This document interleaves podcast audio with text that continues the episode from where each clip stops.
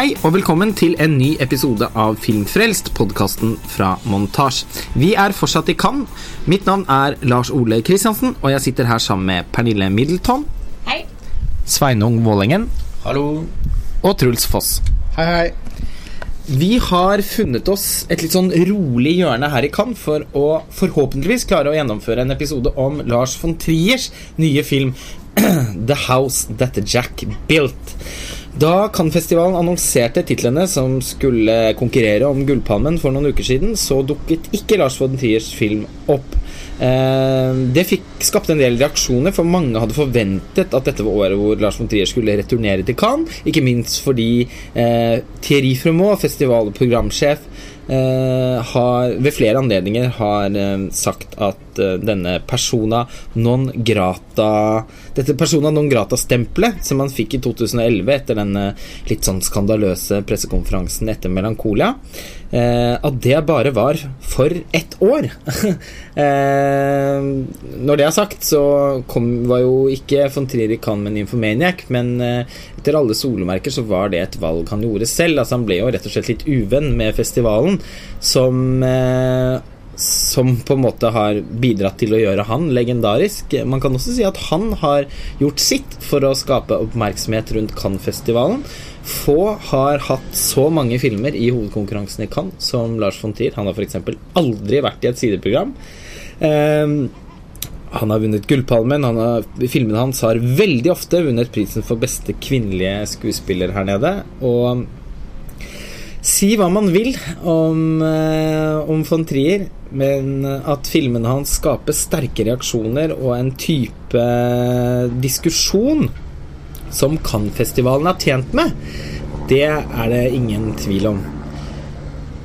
Og det tok ikke mange dagene etter at uh, hovedkonkurransen var annonsert, uh, før uh, Thierry Fremont gikk ut på sosiale medier, og, og, aller først radio i Frankrike, og fortalte at de var i forhandlinger med Sentropa om å vise filmen, men at de ønsket å vise den utenfor konkurranse. det er rimelig å anta at det skyldes en eller annen slags konflikt mellom Thierry Fremont og kanskje styret f.eks. til Cannes-festivalen at de ennå ikke er helt klar for at Lars von Trier skal returnere. Det har jo også vært en slags sånn metoo-historie tilknyttet uh, Lars von Trier, uh, som Bjørk har kommet med. Uh, det er en litt underlig Eller litt sånn spesiell metoo-historie, fordi akkurat historien om deres sånn fiendtlige relasjon som oppsto under Dance in the Dark', den har jo vært kjent i mange, mange, mange år. Og det fins veldig mange forskjellige versjoner av den. Eh, jeg tror nok kanskje ikke at den i seg selv har gjort at, at, at, filmen må vises utenfor konkurranse. Jeg tror Jeg mistenker at det fortsatt er denne nazi-uttalelsen fra 2011, som selvfølgelig var en spøk, men som eh, mange franskmenn i hvert fall, og, eller i og for seg mange andre, bare syns var i, i hvert fall veldig dårlig humor. Eh, og at eh, det, det, det, er såpass, såpass alvorlig, spesifikt i Frankrike, å, spøke med nazisme, at eh, det fikk voldsomme og, jeg syns helt urimelige konsekvenser, men det kan man være, eventuelt være enige om og være uenige om. Eh, I alle fall så tror jeg det fortsatt sitter igjen hos noen i ledelsen at, eh, at det var et veldig alvorlig overtramp. Uh, og at den tilliten på, man på en måte blir skjenket ved å få den plassen de kan og få muligheten til å ha en sånn pressekonferanse, at, det, uh, at han misbrukte den. Uh, så jeg Men man har jo lykkes da med å få til et slags kompromiss, fordi von Trier er tilbake i Cannes, bare utenfor konkurranse, med The House That Jack Built, en slags seriemorderfilm. Sveinung, kunne du tenkt å ta på deg rollen og fortelle litt om hva filmen handler om? Ja, det kan jeg forsøke. Uh, vi uh, møter jo Matt Dillon i hovedrollen som Jack. som Ja, filmen starter med at han er ute på, på, veien, og han møter en kvinne spilt av Uma Thurman som eh, Ja, for, meg ble det i hvert fall åpenbart at hun på et eller annet vis eh, fremprovoserer eh, en voldelig reaksjon fra Jack. Eh, og eh, om han har hatt noen voldelige tendenser eller eh, allerede er en seriemorder eh, da, det, det vites vel ikke helt. Men eh, i alle fall så blir det starten på en rekke med, med drap da, som han begår i løpet av filmen. Men det er jo mest som en rammefortelling et, et rammeverk for, for filmen. For von Trier er jo, i likhet med sin forrige film, 'Informaniac', inne på et veldig ja, både selvrefererende og eh, ganske assosiativt spor i filmen, hvor det tas avstikkere, digresjoner. Det, eh, det er en fortellerstemme eh, som ikke er Jack også, som man har en slags dialog med eh, i løpet av filmen, som vi stifter bekjentskap med mer mot slutten av filmen. Spilt av Eh, Udo Kier. Nei, Udo Kier, sier jeg! Bruno Gans. Bruno Gans! ja. Eh, som eh, ja, blir en slags sånn eh, eh, skikkelse eller stemme som, eh, som går i dialog med Jacks samvittighet og prøver å, å ja, få han inn på, på en slags sånn tankesett som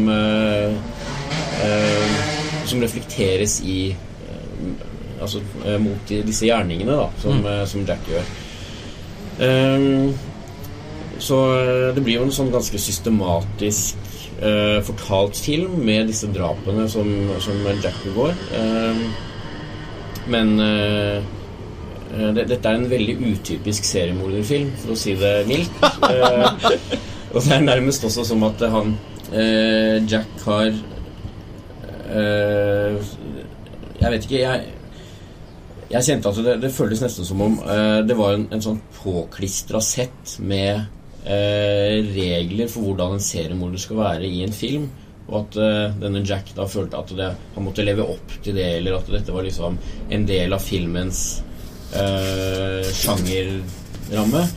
Men at han bare uh, ja, ender opp egentlig med å bli en eh, eh, Ikke minst en ganske fontiersk figur, men, men også eh, mer en slags sånn eh, ja, person på leting etter eh, et eller annet.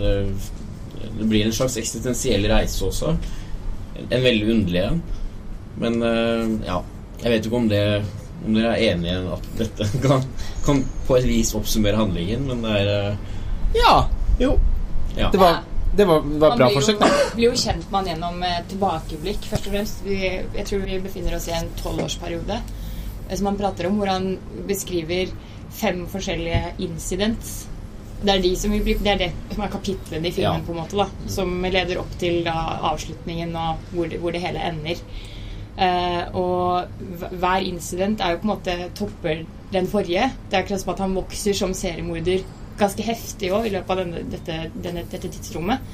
Han blir mer og mer kreativ i kreasjonene sine, og det er ingen tvil om at han presenterer de og utfører alt med at det er works of art som ligger i tankene hans hele tiden.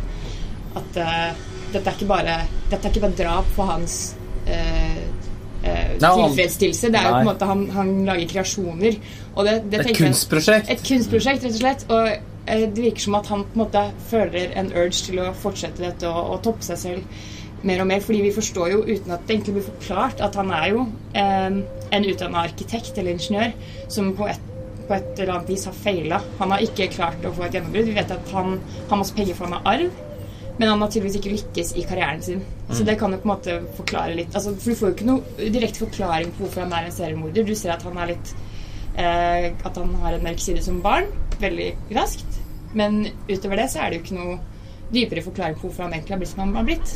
Han er jo litt på samme måte som Hitler. Ikke lyktes som maler, eh, men var en slags skrekkens kunstner. Eh, som jo nettopp eh, altså Det er jo nettopp det von Trier så kontroversielt har lekt seg litt med tidligere. Altså Han har jo provosert med å si at jo, altså eh, alle selvfølgelig, han selv inkludert, som har jødisk avstamning, eh, vil jo fordømme jo eh, nazismen, selvfølgelig. Altså han er, jo, han er jo nærmest en kommunist, faktisk. Sånn rent ideologisk sett. Eh, von Trier. I hvert fall fra tidligere av. Eh, men eh, hvilket han selvfølgelig igjen bekreftet i dette intervjuet han nettopp gjorde eh, i forbindelse med at han vant denne Sonningsprisen, en ærespris i Danmark. Og ble han intervjuet av Peter Sheplern. Det var et litt sørgelig, men også ganske godt intervju. Men han har jo provosert da også, ikke bare i forbindelse med den pressekonferansen etter Melankolia, med å kunne si at jo, visst var nazismen liksom det frykteligste som var Altså, det helt jævlig, men, men eh, det var noen kunstuttrykk der som vi ikke kan se forbi. Altså Albert Speer sin arkitektur, Hugo Boss sine eh, kostymer, nærmest Wagners musikk, eh, osv. Og det, det syns jeg blir gjort et veldig godt poeng, poeng ut av i filmen òg. Han mener jo at vi skal se på det på en måte sånn at man, man kunne skille kunsten fra kunstneren. At du må kunne se på kunstverket for seg selv, og ikke ja. tenke på hvem som står bak. Det føler jeg er filmens tese litt. Ja, og det, det ser du også når han har gjort eh, Ja, han gjør visse kreasjoner ut av disse kroppene han dreper. og eh, han fremstiller jo de som kunstverk, og vil jo egentlig ikke selv bli kjent for det, eller at han skal synes som eh, skaperen. Han, vil, han, tenker mer fokusere på dette verket. Ja, han vil selv oppnå en slags sånn katarsis. Mm. Eh, Uh, og han sammenstiller jo hele tiden arbeidet han gjør som på en måte Som seriearbeidet i gåsetegn som seriemorder, med uh, ambisjonene hans som arkitekt. For vi ser jo også at han sitter hjemme og tegner og lager modeller av hus. Han prøver også flere ganger Altså Gjennom hele filmen så har han også et faktisk konkret husprosjekt som han jobber med, uh, men som alltid går i dass. da Han må rive huset igjen og igjen og igjen, for det blir ikke så det blir ikke så vidunderlig som man hadde tenkt. Ja, Det blir ikke kunst, og det er også en sånn gjennomgangsgreie uh, i filmen med dette skillet mellom uh, arkitekten og ingeniøren. Mm. Hvem som lager kunstverket, og, og hvem ja, Han ble jo bare ingeniør. Ja, og det den tematikken uh, rundt det og den sånn kreative prosesser og, og, hva det vil si å være en kunstner det, Og en perfeksjonist. Og en perfeksjonist. Det er jo noe som Uh, selvfølgelig uh, handler veldig mye om, om Fontier selv også. Og jeg følte at det, uh, det, det ble på et vis en slags forklaring også på hvorfor han har kommet med de uttalelsene han har kommet før. Han, det, det, er nærmest som et eneste langt resonnement hvor han prøver å og tar forbehold og som nevnt tar avstikkere og alt sånt for å prøve å forklare hvorfor han uh, har disse ideene som han har, hvorfor von Trier har de, og hvorfor han har kommet med nye uttalelser han har kommet med. Ikke en, uh, ikke en forsvarstale, for det vil han ikke, men en uh, forklaring på hvor dette tankegodset kommer fra. Mm. Et, det er et veldig behov for det, syns jeg, som man kan lese inn i filmen. Ja, for noen det syns jeg var veldig spennende. Det som er litt sånn interessant med det, det kommer jo Det ødelegger jo ikke at man sier det, men at det kommer jo på et parti inn i filmen hvor det du beskriver, serveres, da et ganske langt resonnement, eller egentlig en diskusjon mellom uh, Dylan og Bruno Gantz. Uh, og det føles liksom at filmen blir veldig sånn knyttet opp mot Cannes-festivalen i år, så jeg synes det er litt interessant. At den blir veldig sånn aktuell i årets program som nettopp et argumentasjon. Og han klarer likevel å skape en så stor personlighet rundt seg i Cannes. Altså, noen har jo kalt denne filmen eh, et selvmordsbrev, og jeg skjønner veldig godt hva de mener. Jeg opplever den også litt som en hevn til Cannes. Mm. Uh, det, er uten, det, er jo ikke uten grunn selvfølgelig at det er Bruno Gans som er castet her. Han har spilt Hitler ja. i den mest kjente filmen som er laget om Hitler. Jeg tror ikke det er så mange som har sett den Hitler-filmen til Hans-Jørgen Sybeberg fra 70-tallet, som ifølge mange er den beste filmen om Hitler. Uh, men det er Untergang. Altså, det er jo, han har jo nesten blitt uh, et sånn bilde nummer to på Hitler. Mm. Også pga. utallige internettmems og sånt. Det er jo også et mer direkte pek i filmen utover at han spiller den rollen. Det er jo når han har eh, disse montasjene med voiceover, hvor han trekker fram kunst og, og store artister, så er det også bilder av Hitler opptil flere ganger. Ja, ja, altså han er helt Det er helt bokstavelig i filmen, den argumentasjonen som Sveinung sikter til. Uh, at uh, det, er, det, er, flere altså videoessays, rett og slett, inni mm. her, hvor man uh, Montasjer hvor man på en ganske sånn retorisk måte klipper mellom st store kunstverk, ofte byggverk, og fascisme. Uh, og det er uh, ingen tvil om at filmen har en fascinasjon for fascismens estetikk. eh, som von Trier alltid har vært veldig åpen om. Han er jo veldig glad i det han selv kaller for det røvmytologiske. Eh, og det er jo noe han eh, opptil flere anledninger tidligere også har funnet i ting som i utgangspunktet vokser litt ut av eh, fascistisk kunst eller fascistisk estetikk. Eh, og her går han lenger enn han. Altså, han var jo innom dette her i Nymphomaniac også, en film som denne har innmari mange fellestrekk med. Det skal vi komme tilbake til. Men eh, eh, det, det er ganske bokstavelig på en måte diskutert i filmen, og den virker jo som nå er jo, altså Filmen ble jo skrevet for en god stund siden, men jeg kan ikke forstå noe annet enn at uh, Lars von Trier, i lys av uh, media på, Altså med temaer i media det, det, siste året, i klipperommet har lagt til noen partier her. Mm. Fordi han blir veldig opptatt av dette med å skille kunst, kunsten og kunstneren fra hverandre. Eh, og at eh, skal, det være, altså skal, skal det være mulig for en kunstner å gjøre Eh, å gjøre noen ofre for å lage, skape noe stort. Eh, de, mange av de debattene som har blitt særlig relevante i lys av metoo, som jeg helt klart tror han adresserer her, men som han selvfølgelig på von Triersk maner ikke gir noe svar på. Altså Filmen er veldig køddete.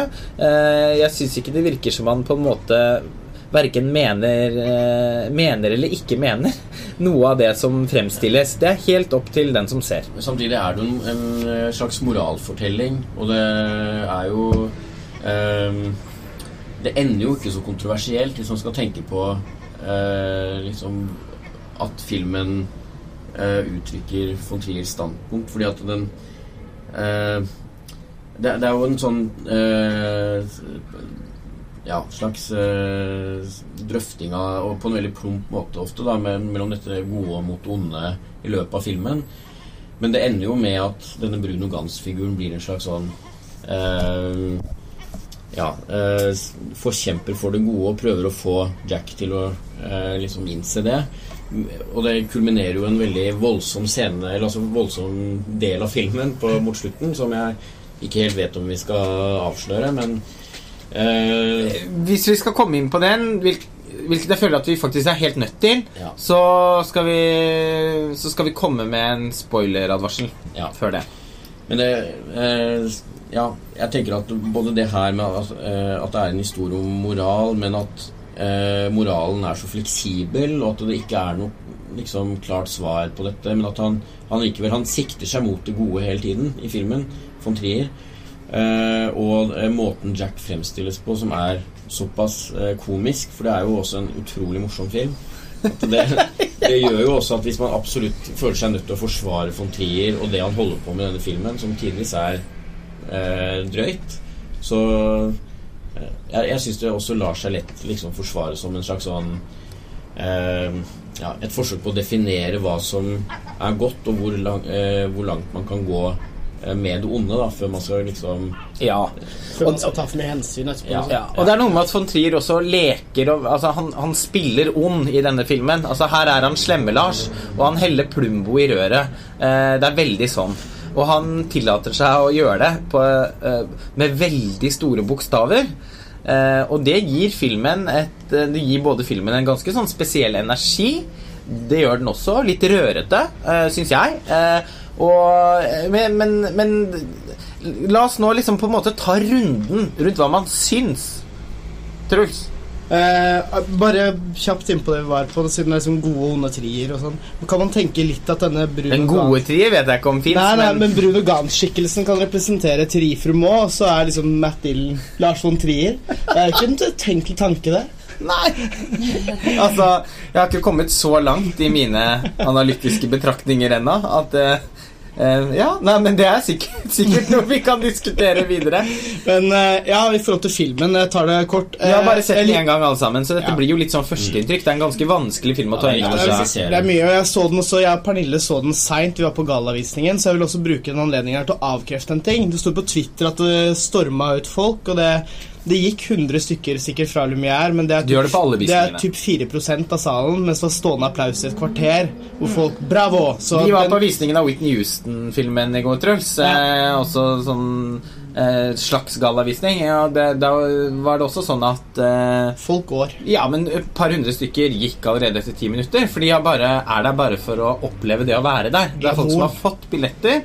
Eh, som mange litt altså ungdommer som har vært på vors, og så har de kledd seg opp for å få oppleve det å, å være på en sånn premierevisning, og så er de selvfølgelig altså, Eller ikke selvfølgelig, men flere av de viser seg å være aggressivt uinteressert i filmen som vises. Altså, Men jeg det- syns jo det var liksom noe sånn Whitney Houston sin familie og sånn var der, og så syns jeg det var noe et eller annet de som Mm, reiste seg etter fem minutter. The House That Jack Built. Ja da.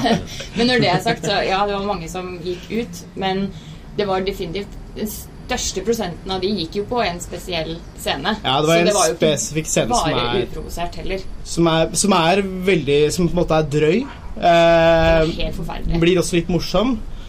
Eh, men i hvert fall ja, det er, du skulle det er avkrefte veld, myten om- veld- Ja, avkrefte myten om at det var veldig mange som gikk. At det var liksom Nei, det var mest applaus og bravo etterpå. Eh, I forhold til filmen, Jeg likte filmen kjempegodt. Jeg syns den er en forlengelse av det formspråket han eh, lagde i Nymphomaniac, med digressionism og kapittelinndelingene som du har alltid hatt, da, men den spesifikke måten som er Nymphomaniac. Og skuespillerstilen, foto, utenom det vi kan komme inn på seinere. Eh, men filmen føles for min del i den grad som en slags Manderley til, til Nymphomaniac. Dogville kom jo etablerte stilen som den filmen har så tydelig, og så lagde han Manderley i tror at han skulle lage en trilogi, Amerika-trilogien. Eh, Washington ble aldri noe av. I hvert fall The House of Jackbilt blir for min del litt Manderley, og jeg liker Manderley også veldig godt, og jeg liker The House of Jackbilt også veldig godt. Jeg syns det er kjempe, kjempespennende å høre disse argumentasjonene fra begge kanter, fra Gantz og fra Trier selv, eller Matt Dillon. Jeg liker å ta den eh, inngangen. Eh, gjennom en hel film. Nei, den er, men jeg er enig med deg, Lars Ole. Jeg syns den er litt mer rørete. Ja, altså, Pernille, hva tenkte du? Jeg er ganske enig med det eh, Truls sier. Jeg har ikke sett Manley, da, men eh, jeg syns den var mm, veldig underholdende. Mhm. Eh, kunne, jeg forventa egentlig at den skulle være hakket mer grotesk. Eh, fordi helhetlig så er den ikke så jævlig, men den har en to-tre, i hvert fall to scener som er eh, for meg uutholdelig. Eh, og det som er så typisk von Trier å gjøre da, er at når man kommer til sånne punkter hvor man ikke orker mer om å se vekk, så, som jeg nevnte tidligere når vi snakket om det, at eh, da blir man straffa, for da viser han det litt til etterpå. Så, sånn sett så, så syns jeg det ble hakket mer grotesk når man gjør det på den måten. Eh, men jeg syns den var eh, veldig veldig godt strukturert og aldri kjedelig. Jeg s- var megaunderholdt, men jeg tok masse selv i å sitte og skjære masse grimaser fordi jeg ble fysisk påvirket av den eh, på visse punkter. Vi lo ganske mye også. Vi lo ekstremt mye, men det, det er også sånn noen ganger når du ler, så blir det sånn Oi, se meg litt rundt, var det egentlig greit? Ja, for det er litt sånn veldig at du, du, Ja. du må nesten så sprutle noen ganger, og så blir det sånn Oi, men er jeg skikkelig dårlig menneske nå? For jeg syns det her er i- uhyre underholdende. Ja, Det er det som er så fryktelig at man skal måtte føle det. Men man gjør jo det fordi det er, noen, det er jo de som ikke ler òg, holdt jeg på å si. Eh, når det åpenbart er ment å være morsomt. Det er en komedie. Altså Dette er det nærmeste von Trier har vært å lage en ren komedie siden direktøren for det hele. Og det er en langt mer vellykket en eh, enn den. Eh, men som også var en sånn skikkelig fuck you-film, da. Mm. Antichrist var en tankestrøm og et, et angstverk. Og det er på å si, altså, så virkelig Da malte han litt i blinde, men fikk et klarsyn eh, likevel som gjorde den til et virkelig altså sånn eh, Syns jeg et eh, Altså, jeg syns det er hans aller beste film, eh, og en av de virkelig store filmverkene fra de siste ti årene. Men eh, Melankolia, som han selv kalte ikke friskmeldingsfilmen, men lykkepillefilmen. eh, hvor han hadde kommet litt i sjakk med sine egne, sine egne psykiske eh, problemer, altså psykisk sykdom. Så, så kan man jo si at han i Melankolia og Nymphomaniac har hatt sånn ganske sånn kontrol, et ganske kontrollert prosjekt. Eh, og Nymphomaniac i særlig grad da, så det er jo von Triers mest sånn pedantisk strukturerte, egentlig nesten mest tilbakeholdende film, selv om den er så full av eksess som den er, i hvert fall i Directors Cut-utgaven, så er den likevel uh, usedvanlig kontrollert, uh, akademisk, til von Trier å være. Og han, du nevnte i stad dette begrepet som har skapt digressionism, alle disse digresjonene til han Seligmann, ustanselig gjennom eh, alle de seks timene i Nymphomaniac. Den er et avhør, et forhør. Eh, det er også en bekjennelsesfilm for von Trier selv. Eh, eh, han ligger jo på en måte på divanen selv i den filmen, eh, på samme måte som hovedpersonen. Eh, ikke av de samme årsakene, men det er ganske lett relaterbart til eh, til han selv, både, så, både, som privatperson og som kunstner. Så den er et veldig sånn selvrefererende, oppsummerende verk, den også. Det hadde vært, føltes veldig logisk hvis Nymphomaniac ble hans siste film, altså hans punktum. Eh, på og, og, altså, den har jo eksplisitte referanser til mange av de tidligere filmene hans bakt inn i seg. Og eh, jeg hadde ikke noe mer å gå ut fra enn det man hadde lest om at uh, The House of Jack Built også var strukturert rundt flere forskjellige episoder gjennom ganske mange år, og at den foregår på 70-tallet. Uh, det gjorde at jeg umiddelbart fikk en sånn fornemmelse om at dette kom til å ligne litt på Nymphomaniac.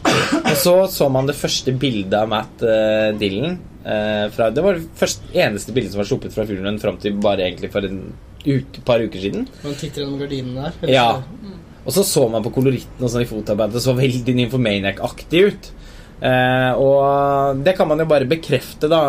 Sånn, og du har, sa, sa, det veldig bra, Truls. Jeg er veldig enig i den sammenligningen. At den er veldig som en Mandalay til eh, eh, Altså, som Mandalay er til Dogville, så er The House of Jackfield veldig en sånn, en sånn type søskenfilm til Nymphomaniac. Og den føles eh, mer rampete. Eh, den føles Det føles ut som han har hatt litt mindre oversikt over hva han holder på med, syns jeg. Eh, sånn sett litt tilbake til angsten fra Antichrist. Og det, det, har man jo også fått bekreftet i intervjuer og sånt. Han har hatt det jævlig dårlig når han har laget filmen. Og det syns jeg filmen bærer preg av. Jeg syns ikke det resulterer i de den samme fruktinnhøstingen, holdt jeg på å si, som via et førsteinntrykk, i hvert fall, som med Antichrist. Eh, det skyldes at jeg faktisk syns at han denne gangen her er litt eh, Jeg kan ha veldig glede av det rundt bordet over noen glass vin, eh, på en måte, og, og syns det er gøy at von Trier gir så faen, og at han er så barnslig som han er i den filmen her.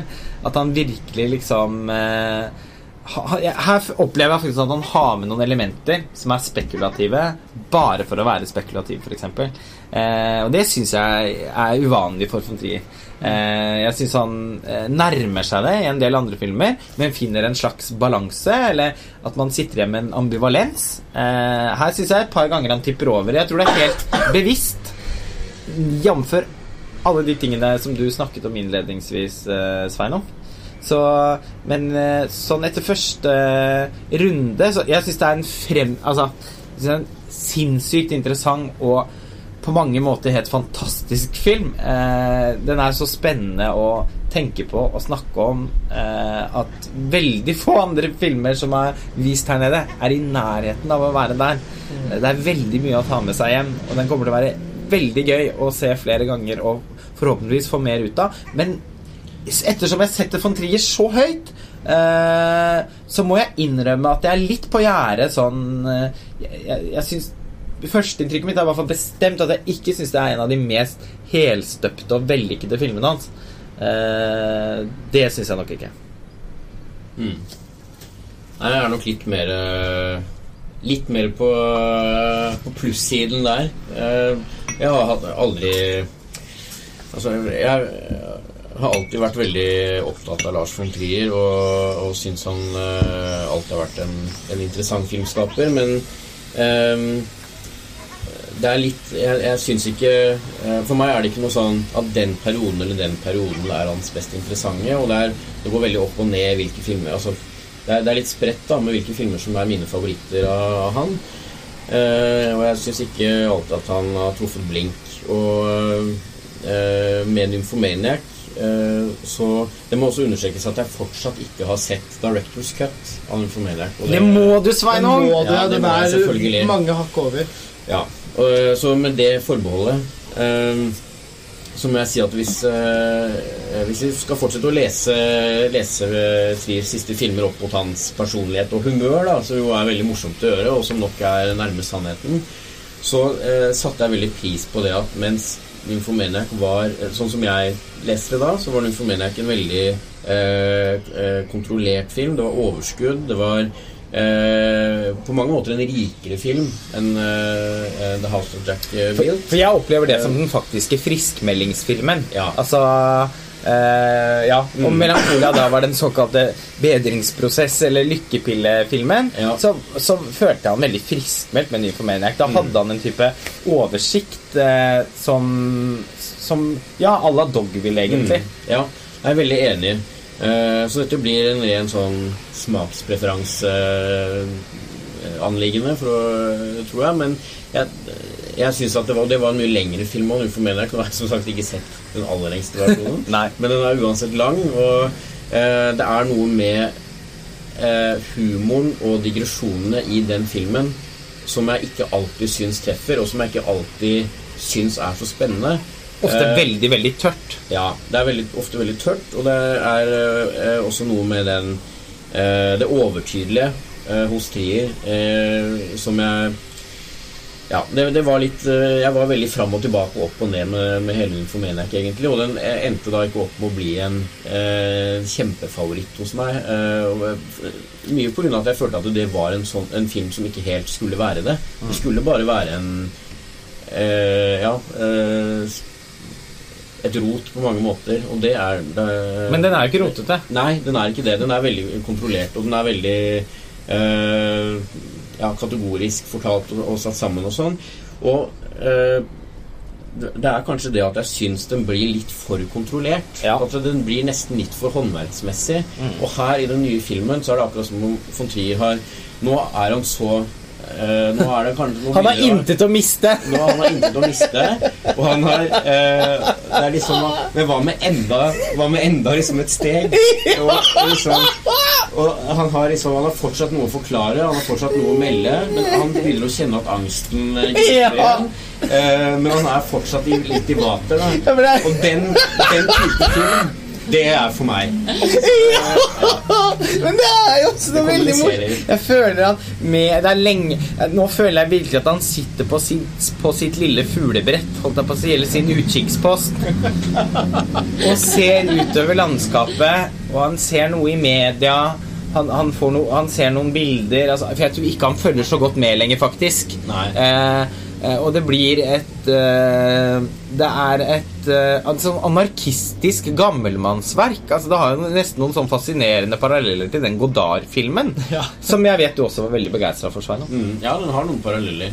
Eh, men eh, Åh, nei, men, men det er også det eh, disse tingene Hvis man skal eh, gå enda mer detaljert inn på, på von Trier som person, med, med hvordan denne Jack eh, bare rett og slett ikke få dratt fra det huset hvor han har begått et mord, fordi at han har eh, tvangstanker Ja, det er om fantastisk. ikke Om at han ikke har fått vaska bort de blodflekkene, og han hører at eh, det kommer en politibil, men han må rett og slett bare inn der enda en gang for å være helt sikker på at ikke han har etterlatt seg noen spor. da Og måten den introduseres på, er denne Å, hva heter han igjen? Eh, musikeren, musikkvideoen, plakatene. Bob Dylan, Ja. Don't Look Back. Ja, eh, hvor han står med disse plakatene. Men det gjør jo også Og i og ved for seg et av de elementene jeg likte dårligst med filmen. Ja, samme her. Da står han med sånn skilt hvor det står OCD. Og det er kanskje noe av det sureste med hele den Ja, det er surt. OCD-scenen. Det er Den er surt. veldig morsom, men akkurat den ja. Men det er men en sånn Hvorfor måtte han ha med den Dylan-referansen? Ja, det er helt Eller uforståelig. Pennebaker det- men det, Ja, det var Ja, og det er flere ting som jeg syns var ubegripelig i filmen. Og og, og, det, dette med det spekulative også, hvorvidt man kan forsvare noen av de drøye scenene med Ja, du skal ikke Nei, det er ikke noe poeng det i å avsløre- føler jeg, jeg føler meg ikke sikker etter å ha sett den én gang. Nei. at det er verken det ene eller det andre. Så jeg, har, jeg vil liksom vegre meg litt for å gå for mye inn på det òg. Men det er mange eh, rare ting der. Men den eh, Det som er rørete, syns jeg er morsommere og mer fascinerende jevnt over enn det, det som var rørete i uh, Nymphomaniac. Ja, og det er- det må man bare si Men det handler ja. veldig mye om smak. Ja. Selv om det er et veldig kjedelig argument å komme med, så Men det- handler det om det. Jeg, ser veldig, jeg liker den tørre humoren fra Nymphomaniac sannsynligvis bedre enn jeg liker humoren her. Selv om jeg syns den her også var jo helt sykt morsomt. Eh, eller morsom. Men når jeg har sett den, så var jeg veldig veldig fornøyd med den. Jeg var veldig, veldig glad Men allikevel gikk jeg ut med sånn veldig rar magefølelse og et veldig sånn behov for at jeg må se den flere ganger før jeg faktisk kan ordentlig gjøre meg opp en mening. For det er så mye som skjer i løpet av de to og en halv timene at jeg gikk litt ut ja, som et uh, takrans i hodet. Ja. Jeg, jeg, jeg tror nok vi møtes litt, Truls. i Jeg setter også veldig stor pris på den knusktørre Seligman-humoren fra Nymphomaniac. Den syns jeg er veldig morsom. Jeg, synes, jeg lo så jeg skrek under denne filmen òg. Eh, og det var det i og for seg ganske mange som gjorde. Eh, Det var også de som ikke dro på smilebåndet. eh, Og jeg kan i og for seg forstå hvorfor, men det er helt åpenbart at filmen er ment å være morsom. Og jeg syns den er det, men jeg syns nok humoren ofte er litt billigere enn den f.eks. Var i Nymphomaniac. Og det gjelder virkemiddelbruken òg, som jeg Men jeg føler også Harald von Trier lager den filmen eh, eh, kritikerne hans Altså hans kritikeres verste mareritt. jeg føler at det er litt en sånn hevn på Cannes-festivalen og på alle de forstå-seg-på-erne som har problematisert han. Ja vel, da trumfer jeg høyere. Og det, og det spiller nok inn at, eh, den, at vi nå faktisk har, i hvert fall for min del, at vi har sett den her i den festivalsettingen. Fordi etter en del sånne tørre og korrekte festivalfilmer, så er det godt å kjenne at uh, von Trier vet At det rusker litt. opp. Og det syns han alltid gjør. Og det Ja. Men hva skal vi si om liksom eh, Vi må jo komme inn på altså, Alltid når man snakker om von Trier, så er det veldig relevant å snakke om skuespillerne. Det er jo Ja. mange gode skuespillere med her. Veldig. Og jeg, jeg, jeg ble veldig positivt overraska over Matt Dillon. Jeg trodde ikke han skulle klare å komme med en sånn her type rolle noensinne, egentlig. Eh, men han, han, jeg syns han eier denne filmen. Virkelig. Han er så utrolig, utrolig kul og sinnssyk og uempatisk, og du hater han litt, men samtidig så syns du det er, det er nesten fælt å si det, men det er noe, det er noe hot over han. Det er noe sånn ufor, ufor, uforklarlig hot over denne her eh, mystiske seriemorderlooken hans, som først starter veldig uskyldig og nerdete, hvor han er en sånn veldig Jeffrey Dahmer-type med sånne Jeffrey Dahmer-briller. Det, er det, er det er ingen tvil om at han skal se litt sånn ut. Og så ser du at eh, etter hvert som årene går, han blir mer og mer Mr. Sophisticated, som han etter hvert setter navnet i seg selv. Ja, det er veldig, det er veldig morsomt. Eh, etter hvert som han vokser mer i denne seriemorderrollen, eh, så vokser han også selv. Han blir mer og mer kreativ i hvordan han skal fange ofrene sine. Eh, mer og mer manipulativ. Og du ser også at han har en slags sånn stilforandring eh, forandring etter hvert. Eh, som først begynner med denne uskyldige nerden, på en måte, og så eh, når han kommer til denne midtveis cirka, når han skal møte Riley Keough, så er han mer sånn da ser han rett og slett mer sofistikert ut. Eh, og har lagt inn eh, at han liksom har en limp i beinet. Og sånn, Begynt å fått litt skjegg og litt sånn. skjegg, blitt litt mer robust. Han har inntatt rollen skikkelig. Og han omfavner det. Eh, han er, jeg syns han er så jævlig god, rett og slett. Og jeg jeg sitter igjen og er en sånn forvirra blanding av å synes han er utrolig hot og veldig ekkel. Og det er en veldig morsom eh, Han er en genuint ufordragelig karakter. Ja. Og, og, og er også her leker også Lars von Trier seg med litt sånn stereotypien om den mannlige kunstneren. Som Ja. jeg syns han gjør på en ganske kostelig mm. måte. Og der føler jeg ikke at det er noen helt noen tvil om hvor han står. Han, Eh, si, han sier jo også det, det, han, han, man må huske at dette er, altså, Lars von Trier har alltid identifisert seg med kvinner. Mm. Eh, det har han jo i intervju etter intervju understreket. På tross av at han har ofte fått eh, blitt anklaget for å være misogyn, og man kan godt forstå det. Han mister Men- ikke akkurat det stempelet her, da, for å si det sånn, noe mer. Fordi Nei, jeg- absolutt hver eneste kvinne i denne filmen blir jo fremstilt som stokk dum. Men det er hun veldig ærlig på i filmen òg, da. Ja, ja, At det er en greie. Ja, jeg sier ikke at det er en dum ting, men jeg, jeg syns det passer i denne settingen og i filmens rammer. Uh, men det er også veldig morsomt når Jack sitter der og uh, skal forklare seg hvor, hvorfor han tenker som han gjør. At uh, han sier 'Hvorfor er det alltid uh, mannen sin skyld?' Han ser jo på det som sitt lodd i livet at han er født som mann. Uh, og mener at kvinner er ja, Hvorfor er ofrene dine kvinner? Nei, de er enklere å ha med å gjøre. Altså, Ikke nødvendigvis at de er dummere, de er bare enklere. De er fysisk underlegne. Altså, det er jo altså, jeg, jeg tenker mange av disse tingene egentlig er veldig så, Ganske provoserende altså, til von Trier å være da Jeg syns han normalt finner en mye eh, altså finner en ambivalens i de tingene som, eh, som har, ofte har en skjult agenda som peker i en annen retning enn det eh, noen høylytte kritikere sin første reaksjon indikerer. Eh, Men her igjen så føler jeg Man må liksom huske seg opp på et sånn metaplan, føler jeg, for å kunne forsvare det her. Ja, for Fordi at det sånn er en sånn fuck you-film. Ja vel, hvis dere mener at det er sånn, så lager jeg en film hvor jeg leker, hvor jeg inntar rollen, og er sånn. Og jeg tror ikke han mener det. Eh, jeg, jeg føler virkelig at det er bare en joke, alt sammen. Men jeg, jeg ser veldig godt at folk lar seg provosere av det. Fordi jeg satt faktisk selv og var litt provosert eh, over måten han eh, fremstilte kvinnene på. Egentlig gjennom også Huma Thurman sin karakter. Altså Det grunnleggende provoserende at hun skal liksom eh, At det er noe sånn slags selvforskyldt over eh, Men det er jo en ren provokasjon, selvfølgelig. Eh, Og det er jo en, også en, en lek med eh, det var, Og kanskje det er jeg som, eh, som ønsker å legge for mye i det også, men, men jeg tenker det er jo også en, en slags sånn eh, ironi knytta til det med hvordan mange menn eh, forsvarer liksom at ja, hun ba om det, og eh, det, at det er selvforskyldt når, eh, når kvinner uh, havner i sånne situasjoner og, og opplever vold. Og her smører han det laget så tjukt på at det liksom Men han smører det jo så tjukt at man blir jo litt sånn kvalm av å Ja, se det. det. Så, så han lykkes jo i og for seg med å vise uh, hvor latterlig på en måte det perspektivet er. Mm. Det er bare, men det er veldig mange man, man må, Filmen kan på en måte bare leses, føler jeg, på en veldig komplisert måte. Og så må man ha sett mye trier for å se den filmen der og få ordentlig glede av den. For det er dette jeg tenker også at det er et metalag der. At han lager den filmen som har blitt kritisert for å lage den egentlig aldri har laget. Mm. Og så presenterer han det. Det er jo en film som man rett og slett må være lært i sin trier for å forstå, da. ja. Men det kan man si om den Nymphomaniac òg. Jeg syns Ja. dette var en mye mer direkte film, og den har en mye tydeligere rammefortelling.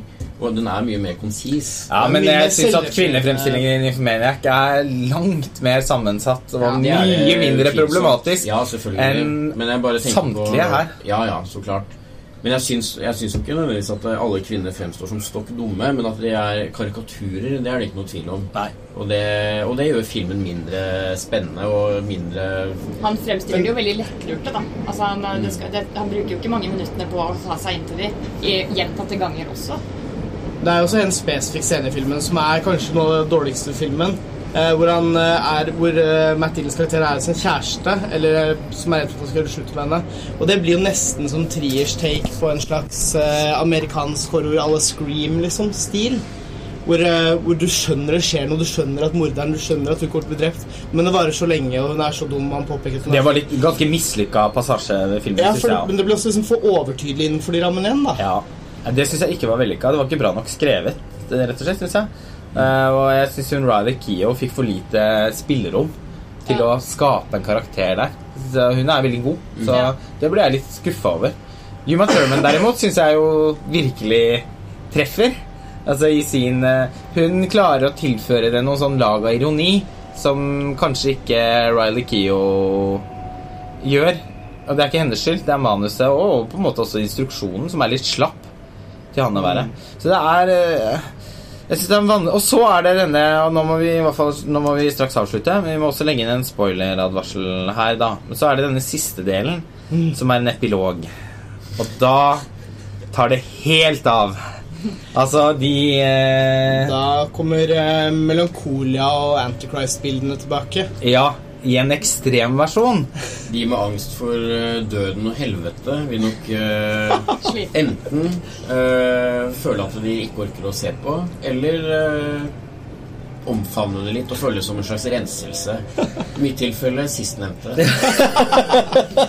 Men og, og også på en måte hans Altså, det er et, eh, et, På et tidspunkt her så eh, Apropos fascistisk estetikk, da. Altså, det er et sånt maleri her av et tablå som han setter opp som altså er så vanvittig at jeg, altså, jeg, altså, jeg, jeg lo så jeg skrek Er det av ikke det. litt sånn franske revolusjonen-aktig Det var eh, helt hinsides alt. Altså, det var eh, er Som en slags nasjonalromantikkens abort. Altså, det var Eller misfoster.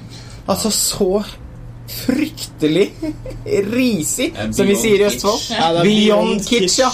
Eh, altså, men også bare helt altså, der føler jeg, Og i den biten av filmen så følte jeg virkelig at han lyktes med å få til en sånn overskridelse. Da syns jeg han løftet opp til å, til å bli noe mer.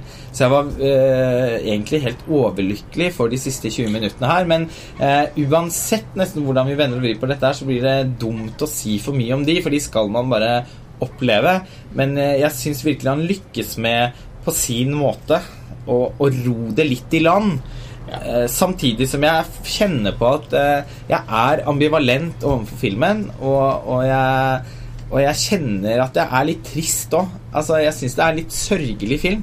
Eh, jeg føler virkelig at nå går det mot slutten for von Trier. Altså, jeg vet ikke Han har jo nå varslet at han skal eh, hans neste prosjekt er dette etyder, hvor han skal lage noen sånne små snutter i sort-hvitt med alle i hver sin stilart for å kunne eksperimentere, og leke seg. Han vil liksom tilbake til et tidligere stadium igjen. Eh, Det høres jo i og for seg lovende ut. Eh, som en sånn bombastisk eh, postulat, på en måte. Så føles jo dette veldig sånn eh, endelig og litt sånn døende. Jeg er enig. Og når man har sett ham på intervjuer de siste tre åra, så har han jo sett ekstremt sliten og ute ut. Han har jo vært liksom en skygge av seg selv. Ja. Det må man bare si. Jeg var også på den eh, gallavisningen av Infomaniac Directors Cut i København. Og han gikk jo rundt der, og han så jo helt likblek ut. Eh, og det så man jo på intervju med Peter Shepland òg. Ja, Så han, filmen bærer litt preg av det. At det er hvor han sier ja, 'jeg går mot øst'. det er alltid gøy når von Trier har en nå som Han hadde jo ikke noe presserunde med Nymphomaniac, da, men nå er han jo tilbake Nå er munnkurven borte. Og, eh, og det har jo alltid vært en av de morsomste begivenhetene Altså, det har vært en eh, nesten vel så morsomt som filmene noen Eller interessant som filmene noen ganger. Eller i hvert fall Nei, det er ikke helt sant, men det har i hvert fall eh, vært eh, et viktig element ved, ved enhver ny von Trier-film at han har sagt eh, Så han har jo alltid vært så åpen. Han er også en skuespiller, så man kan aldri stole på han. Men det kunne man ikke helt med Ingmar Bergman heller. Han er jo sånn sett veldig inspirert av, Bergman. eh, At han har valgt å være åpen. Det fins utallige intervjubøker, dokumentarer, intervjuer osv. Eh, og, og, han finner alltid på noe nytt som er sånn innforstått, eh, som da er en ren bløff. da Og denne gangen var det det med at 'jeg går mot øst'. Jeg tror han sier det kanskje tolv ganger eller noe i løpet av det Shepherd-intervjuet. Og han sier ja, ja, men jeg, som jeg alltid har sagt, jeg må gå mot øst. Og det har han aldri sagt. Såpass oversikt føler jeg at jeg har og det er veldig morsomt.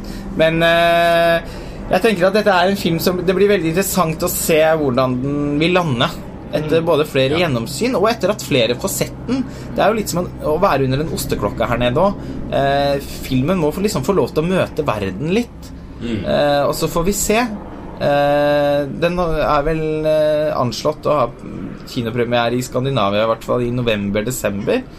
Så mm, vi får se hvordan den på en måte blir mottatt eh, da. Jeg ser veldig fram til å studere filmen, eh, men må foreløpig faktisk sitte litt på gjerdet.